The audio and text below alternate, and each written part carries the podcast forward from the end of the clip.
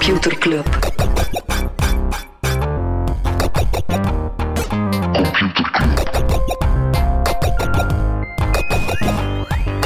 Computer Club. Hey Smolly, Hey Freddy, welkom. Welkom terug. welkom. Welkom bij Computer Club, een wekelijkse podcast over technologie. Iedere aflevering selecteren uh, Freddy en ik een interessant artikel en presenteren we een feitje. Af en toe moeten we ook eh, terugkomen op dingen. Is dat zo? Ja, soms worden hard gefactcheckt. Oei. Ja, nee, eh, luisteraar en vriend van de show Bert, die merkte op, ja, vorige week had ik het over de Facebook-bril. Mhm. En dan zei ik dat ik het wel raar vond dat, hij, dat ze daar zo de Facebook-stories, eh, dat, dat, dat ze de naam Facebook gekozen hadden, maar hij merkte op dat de naam is eigenlijk de Ray-Ban Stories. Aha. Want het is Ray-Ban in samenwerking met Facebook, maar als je dan goed kijkt, dan is het in samenwerking met Facebook het bedrijf. Ja. En niet de app, wat ook gewoon een zeer verwarrende brand is. Eh, maar die merkte ook op dat eh, foto's en video's dat die in een aparte app toekomen. En dat dat, maar dat dat by design is. Dus dat, die, dat dat is omdat die gebruiker dan zelf echt nog manueel moet kiezen. Zet je dit op wil. Facebook, Instagram of WhatsApp? Ja, maar vooral ook om te zorgen dat, dat, niet één op één, dat je niet één op één mensen hun privacy schendt. Dus dat er nog een soort eh, check tussen moet zitten. Ja, dus maar dat dat de reden is dat dat, dat niet automatisch Wel, ik ging het niet hebben over het feit dat Facebook intussen op de vingers is getikt door de Ierse Privacycommissie.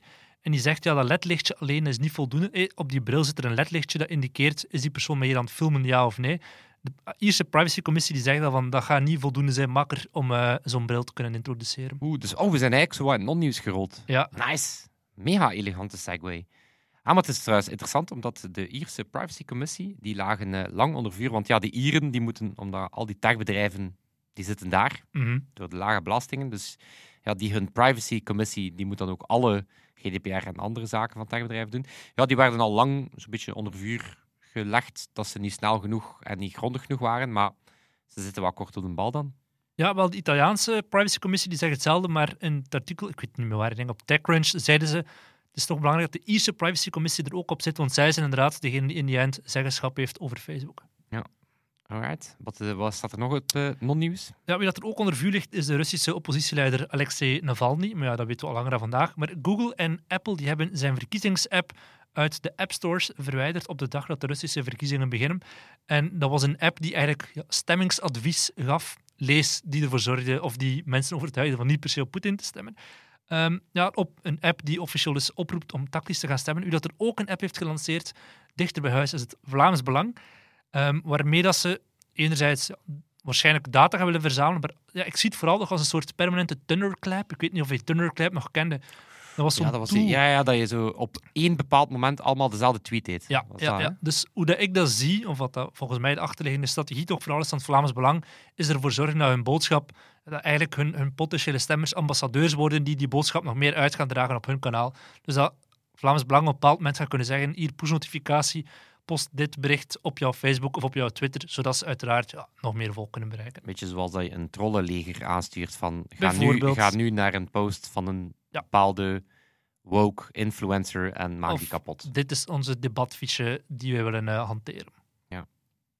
Ja, ergens was slim. Tuurlijk, ja, dat is super slim gezien. Hè. Het is gewoon dom dat er geen enkele andere partij hiermee bezig was of dit heeft ingezien. Maar pas op, CDAV had toch de, de holo, de holo Chris Peters. Was toch ook Tot nu toe, iets... dat was inderdaad, in de media stond er de eerste app van een politieke partij. Nee, dat is niet waar. De Chris Peters die op je tafel in het toilet kon wandelen. Dat was de eerste app van een eh, politieke partij. Zeg Smolly, ik krijg een jingle van jou. En die jingle, meer bepaald, ik zoek een groot techbedrijf die er echt alweer een dikke clusterfuck van gemaakt Oké, heeft. daar komt hij. Facebook Dumpster Fire. Yes. Ja, ook weer een double whammy van Facebook. Fantastisch bedrijf. Nee, de Wall Street Journal, die hebben, eh, of was het Washington Post? Ik denk Wall Street Journal. Die hebben eh, een pak interne rapporten gekregen van Facebook, waarin dat, surprise, surprise, Facebook blijkt te liegen over de ernst van een aantal problemen. Eh, enerzijds, Oké, ik dacht, mag hier echt een, een, zielig tromboontje onderkomen, want Facebook is op de vingers getikt. Vertel maar, welke problemen? Wel, enerzijds, ehm, eh, enerzijds ja, het gaat, eh, er zijn een aantal users op Facebook ja, die stukken vrijgesteld zijn van de regels over contentmoderatie. Dat die dan publieke figuren zijn. hè, dus die, daar, daar worden, daar, die, die posts worden minder snel verwijderd, dat soort dingen. Nu, Facebook zegt dat gaat over een miniem aantal cases, maar uit die research blijkt dat dat over een groep van 6 miljoen mensen blijkt te gaan. Dus dat is toch geen... All users are created equal. Behalve Met- 6 ja, miljoen eh, andere users. Ehm, maar dan anderzijds, en dat is, dat is wellicht nog veel erger, ehm, ja, waar het blijkt dat ze research hebben begraven eh, dat toch duidelijk stelt dat een derde van alle tienermeisjes aangeeft zich slecht te voelen over het eigen uiterlijk door Instagram. Ja. Dus ja, weinig verrassende research, denk ik. Of toch ja, research dat je, ja, bedoel, hoe hard zijn tieners voor elkaar? En, Mhm. en, en ik denk dat, dat minderwaardigheidscomplexen is denk ik iets dat, dat, dat er in de jeugd wat ergens bij hoort. Door Instagram wordt dat natuurlijk op scherp gesteld. Eh, maar het feit dat Facebook dat weet en dat dan ook doelbewust begraaft.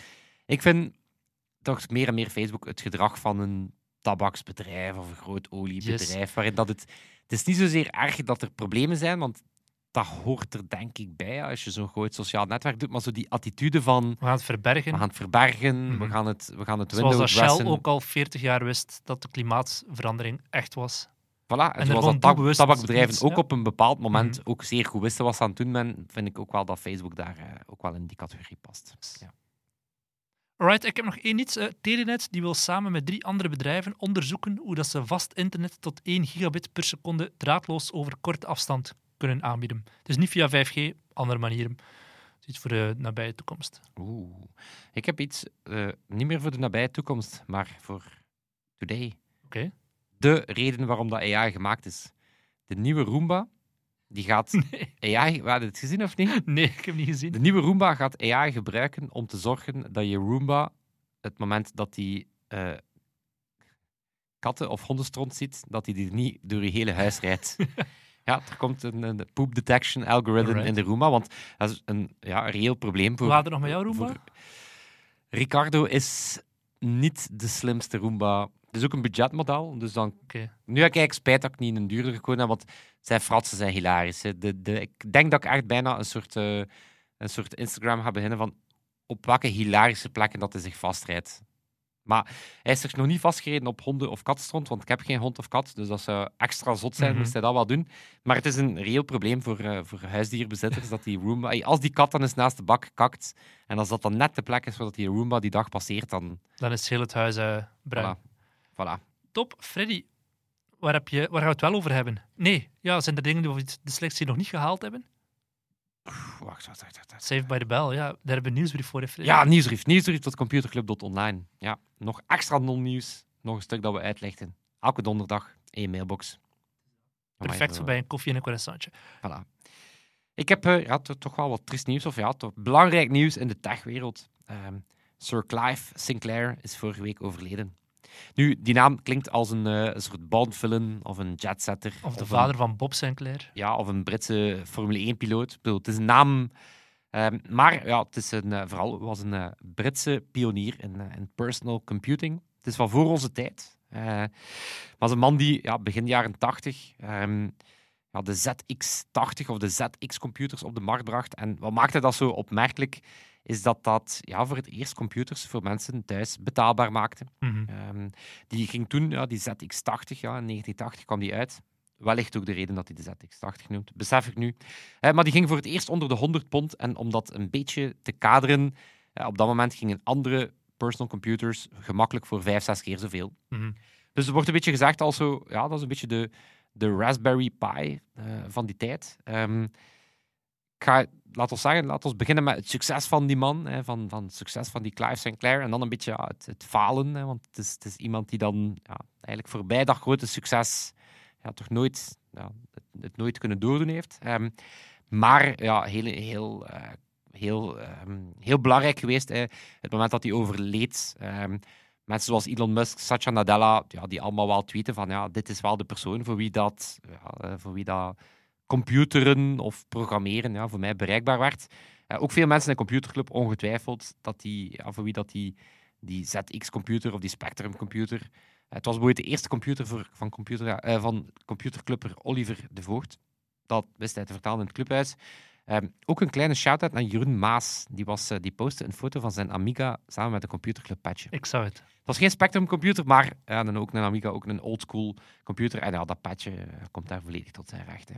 Ehm, maar dus die Clive, die Clive Sinclair, ehm, heel boeiende man. Want hey, behalve zo die Sinclair computers, waar ik wel al eens van gehoord had, kende ik hem ook niet zo super goed. Maar ik dacht wel, ja, al die mensen die hier toch wel aangeven van wat een verlies, ik ga me eens verdiepen in die mensen en zijn leven. Eh, begon, ja, het, is, het, is, het is een Brit, maar het, eh, het leest eigenlijk meer als een soort eh, Californische ondernemer. Mhm. het, het leest eigenlijk meer als een soort Steve Jobs verhaal. Eh, begon als een high school dropout. ehm, en begon toen ja, heel sterk te prutsen met dingen. Had toen een be- bedrijfje opgericht, Sinclair Radionics. Wat op zich wel een cool woord is al, Radionics. Ehm, zijn eerste product was een, eh, een radio in een luciferdoosje. En die man had wel iets met pocket-sized dingen. Ehm, bijvoorbeeld de eerste zakrekenmachine. Dus de eerste keer dat de rekenmachine niet zo een gigantisch object was die dan op een toonbank stond, was door die Clive Sinclair. Eh, maakte ook een polshorloge die echt al zo'n klein computertje was. Het was zeer slecht als horloge, dus het kon eigenlijk van alles, maar het was niet echt een goed horloge. Eh had ook een draagbare tv gemaakt, echt zo'n tv'tje, de grootte van een, ja, wat we vandaag een smartphone zouden noemen. Eh, na zijn grote succes kwam er dus met de ZX80 in eh, 1980. Was niet de beste computer. Amper geheugen, had echt een crap toetsenbord. Lange wachttijden om er een te ontvangen. Kwaliteitscontrole was niet echt op. Want ja, ze hadden er alles aan gedaan om de prijs eh, te drukken. En opnieuw, aan minder dan 100 pond, was dat ongeveer 1 vijfde van, van PC's toen. Dus Mhm. plotseling waar, waar, ja, waren de PC's eh, bereikbaar voor heel veel mensen. En dan zeker in 1982 de Spectrum. En dan werden dat ja, de best verkopende computers ter wereld.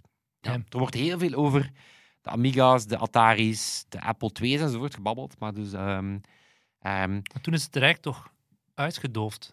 ja, wel, voilà. Dus, dus ehm, daarmee een hele generatie aangezet tot, tot computeren, coden. Ehm, eh, opnieuw, Satya Nadella, die zei van... "In- has inspired so many, including myself, my first computer, the, the sense of wonder.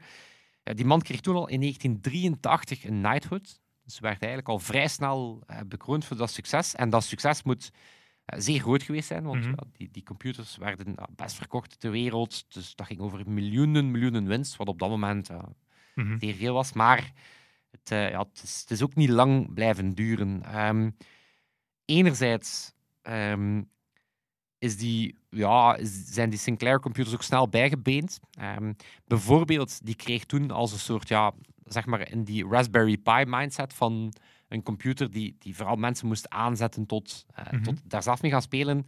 Eh, heb je misschien ooit van de BBC Micro gehoord? Nee.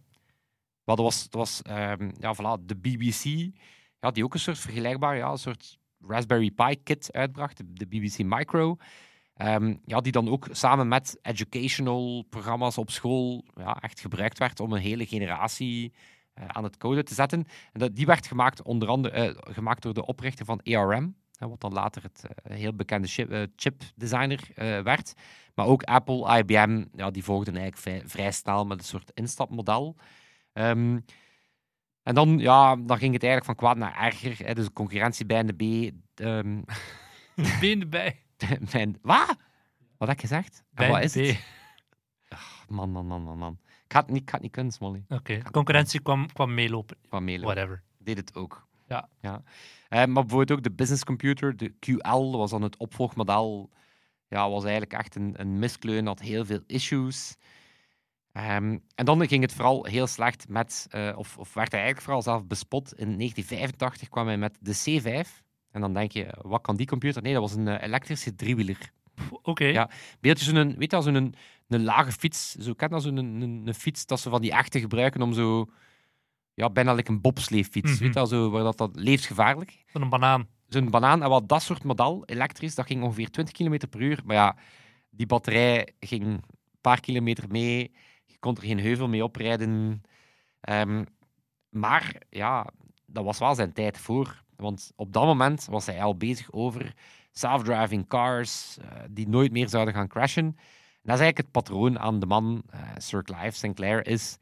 Het is visionair en het is geen operator. Hè. Je had het over, over Tim Cook, hè, de man die dan Mhm. ehm, het Boekhouder. de boekhouder, het boekhoudertype, hè, de man die kan zeggen van oké, dit is de visie. Of die zegt oké, als dit de visie is, let's execute.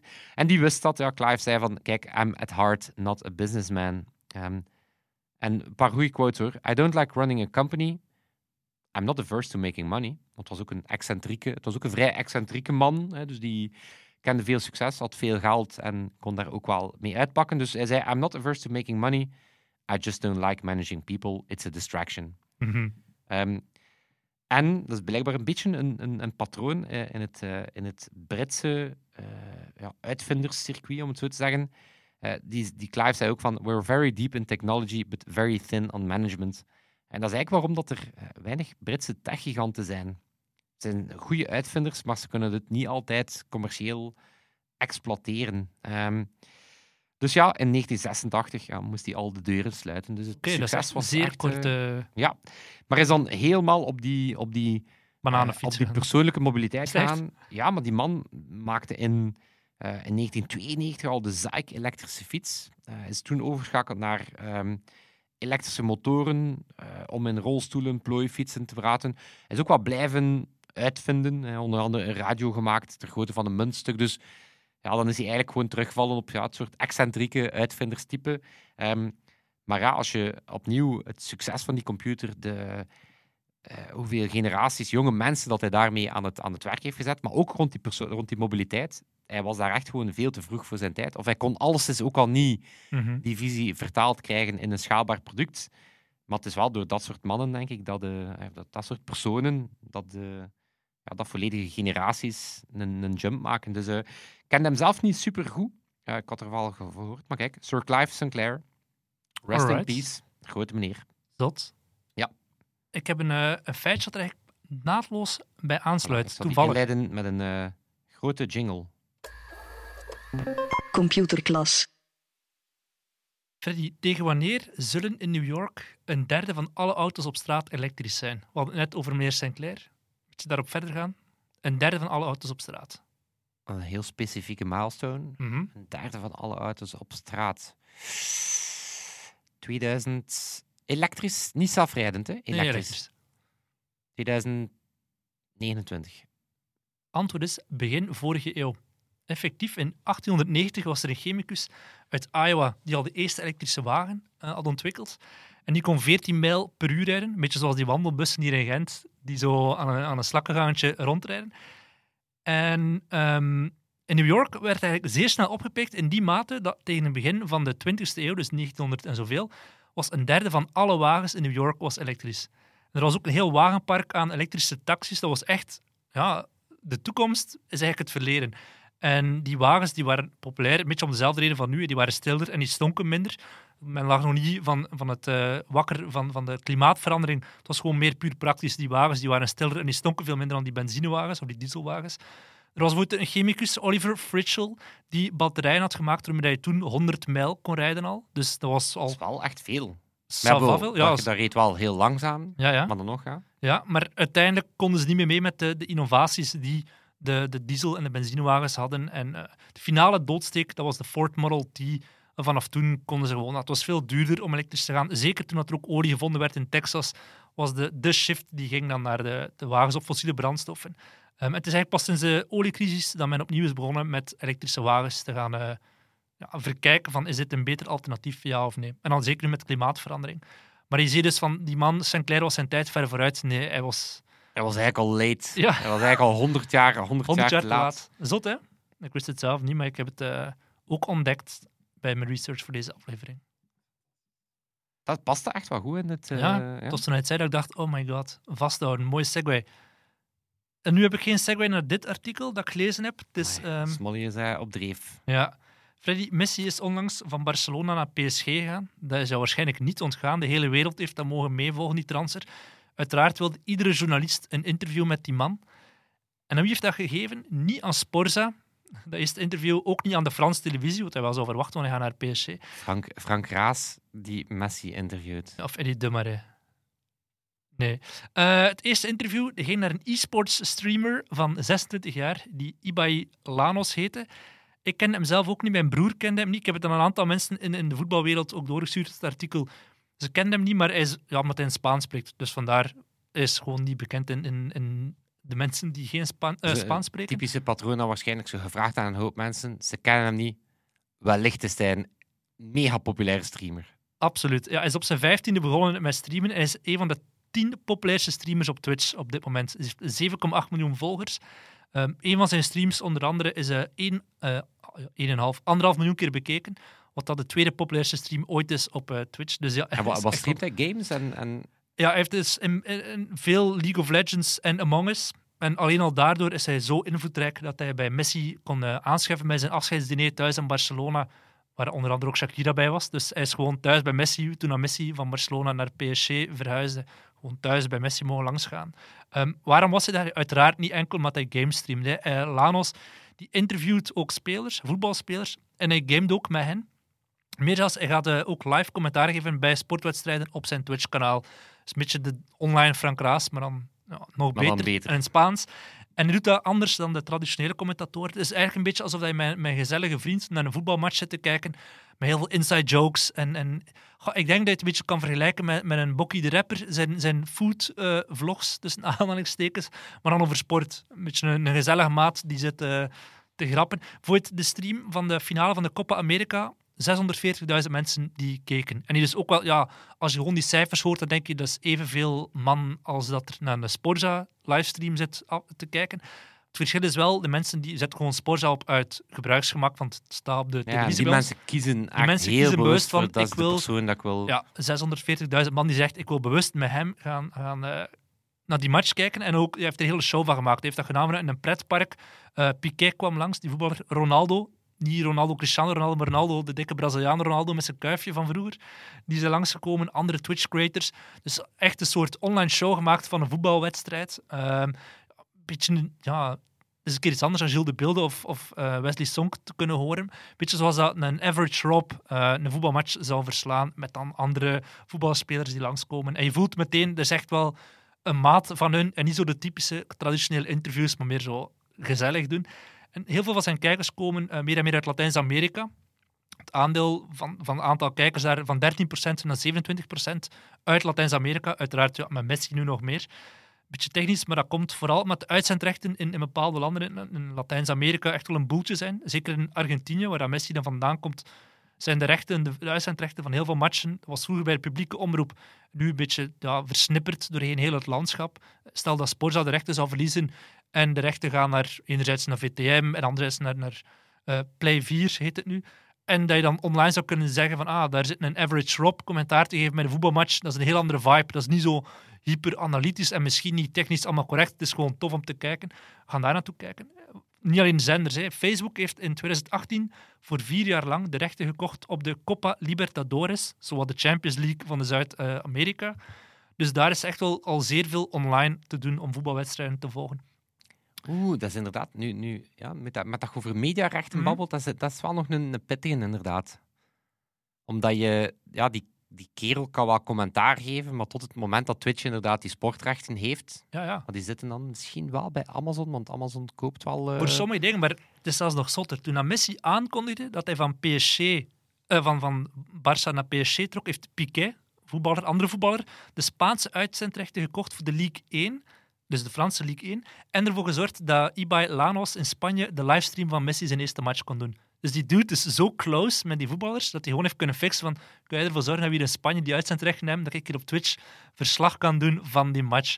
Dus dat is echt wel... En, en als je zo de traditionele voetbalcommentatoren leest, die zijn dan zo weer heel sceptisch. Een beetje zo dezelfde vibe als dat de modesector 10, 15 jaar geleden had, toen dat de eerste modebloggers op de eerste rij gingen komen zitten van de fashion shows. Dan, wat doen die mensen hier? En ze doen dat veel minder professioneel dan wij, experts. Eh, maar ja, dat is wel de Ze toekomst zijn voor, daar niet heel in veel mensen. Hm? Ze zijn er niet in opgeleid. Nee, en, en toch ga je er wel mee moeten leren leven. Hè? Want ja, die, die Ibai is niet de enige. Je hebt ook zo Fabrizio Romano. Ik weet niet of je die, die kent, maar die is op Twitter Ja. heel groot. En die, die is altijd de eerste die, als er een voetbaltransfer is, kan ontdekken van die gaat van die ploeg naar die ploeg. En heeft dan zo'n kreet, here we go. Zo het zegt van ah, Ronaldo confirmed gaat naar Manchester United, here we go. En als je weet, als Fabrizio dat tweet, dan is het wel echt. Dus hij heeft heel veel connecties in dat wereldje. En zo in Italië, ja, Sky Sports, die willen met hem samenwerken. Want dat is het verschil wel. De modesector heeft dat te lang willen bestrijden.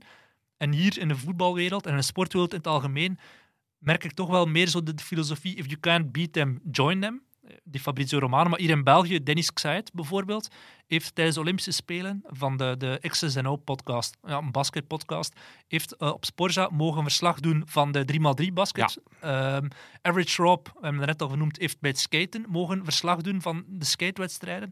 Dat is een heel andere vibe dan traditioneel, maar eh, ze, ze- ja, ze boren wel een nieuw publiek aan. En HLN heeft bijvoorbeeld ook Gilles bij, bij eh, ja, ik ga het van mijn naam, ik ga het zelfs niet proberen, maar Gilles van Coolcast ehm, ook als, als eh, host gevraagd om daar een podcast bij hun te doen met HLN over sport. Kerel die fantastische visie heeft op sport. Dus ja, qua vibe anders dan wat we gewend zijn van een Gilles de Beelden. Maar die wel die unieke touch eh, heeft, die, een, noemt hij ja, bij zijn naam nu, eh, ook al vergeten, Dennis, nee, Ibai Lanos eh, op Twitch heeft. Maar tegelijkertijd vind ik, vind ik het niet verbazend dat, dat die sportliga's dat ook meer en meer volgens mij gaan embracen. Want Tuurlijk. wat die in wezen vooral doen, is heel slim nadenken over wat zijn al onze verschillende afzetmarkten. Dus Mhm. het zou mij niet verwonderen dat er, dat er in de volgende rechtencyclus, de volgende keer dat zo'n sportliga zijn rechten verkoopt, dat die een onderscheid gaan maken tussen, oké, Online en... online, eh, tv-rechten, streamingrechten, eh, zo, eh, streamingdiensten, maar ook streamingplatformen, allee, zo, waar, dat ze, waar dat ze echt gewoon meer en meer praktisch gaan zeggen van oké, we gaan het en aan Facebook en aan Twitch of, of een bepaalde Ja. medium dan ook exclusieve rechten geven van... Ik had er met mijn collega Simon ook over en die zei van eigenlijk in een, in een hopelijk niet te verre toekomst kan je naar de tv kijken en kan je zelf nog gaan kiezen. Ik wil meer technische commentaar van een Frank Raas of ik heb zin in zo'n laid-back host als een Average Rob of een Bokkie de Rapper die hier op een totaal andere manier verslag geeft van deze wedstrijd. En ik wil dat, dat je zelf kan kiezen manueel wie dat je wil eh, horen. Ja, of Bokkie samen met Frank Raas. Kan wat boeiend Dat zijn, zal zeer boeiende dingen kunnen opleveren. Weet je waar dat ook boeiend gaat worden, Smolly? Vertel. Op onze computerclub meetup. En die is? Dat zal eh, volgende week zijn. Volgende week gaan we ja, voor het eerst terug samenkomen met Computerclub. En we doen dat met onze vrienden van de show. Omdat we ja, enerzijds klein en gezellig willen opstarten. Maar ook omdat we die mensen wel, eh, wel heel dankbaar zijn En graag zien, hè, ja. en graag zien. We doen ook dingen terug voor onze vrienden van de show. Eh, we geven hen merch en dat soort en gadgets en dat soort dingen. Eh, maar we hebben ook zo onze vriendenvoordelen. Dat is een woord dat misschien niet helemaal bestaat. Nee, we hebben eigenlijk ook wat, wat, wat partners die ja, onze, onze vrienden van de show, behalve op onze eigen webshop, ook korting geven. En we hebben er een heel leuke bij. We zouden dat vriendendiensten moeten noemen. Ja, dat is eigenlijk wel goed. Laten we dat vanaf perfect. Vriendendiensten.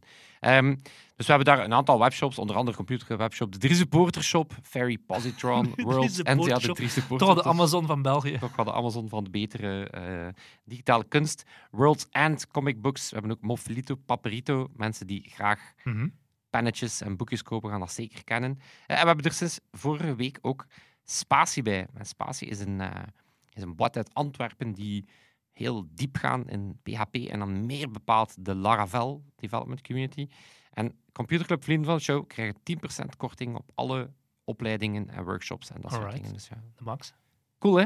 En hoe kan je vriend worden? Via vrienden.computerclub.online. Top. En dan krijg je allerlei vriendendiensten. Yes. Dat is echt een goede smolly. Maar je zeg, Ik moet er misschien een beroep van maken, van zo'n woordjes bedenken. zeg, jij kunt dat. Jij kunt dat. Ah, voilà, kijk, dan zijn we op het einde gekomen. Bedanken wij ook nog onze vrienden. Toon en Sebastian. Ja, Toon die deze week de edit doet. En dat zal het zijn. Tot, volgende volgende week. Yo. Yo.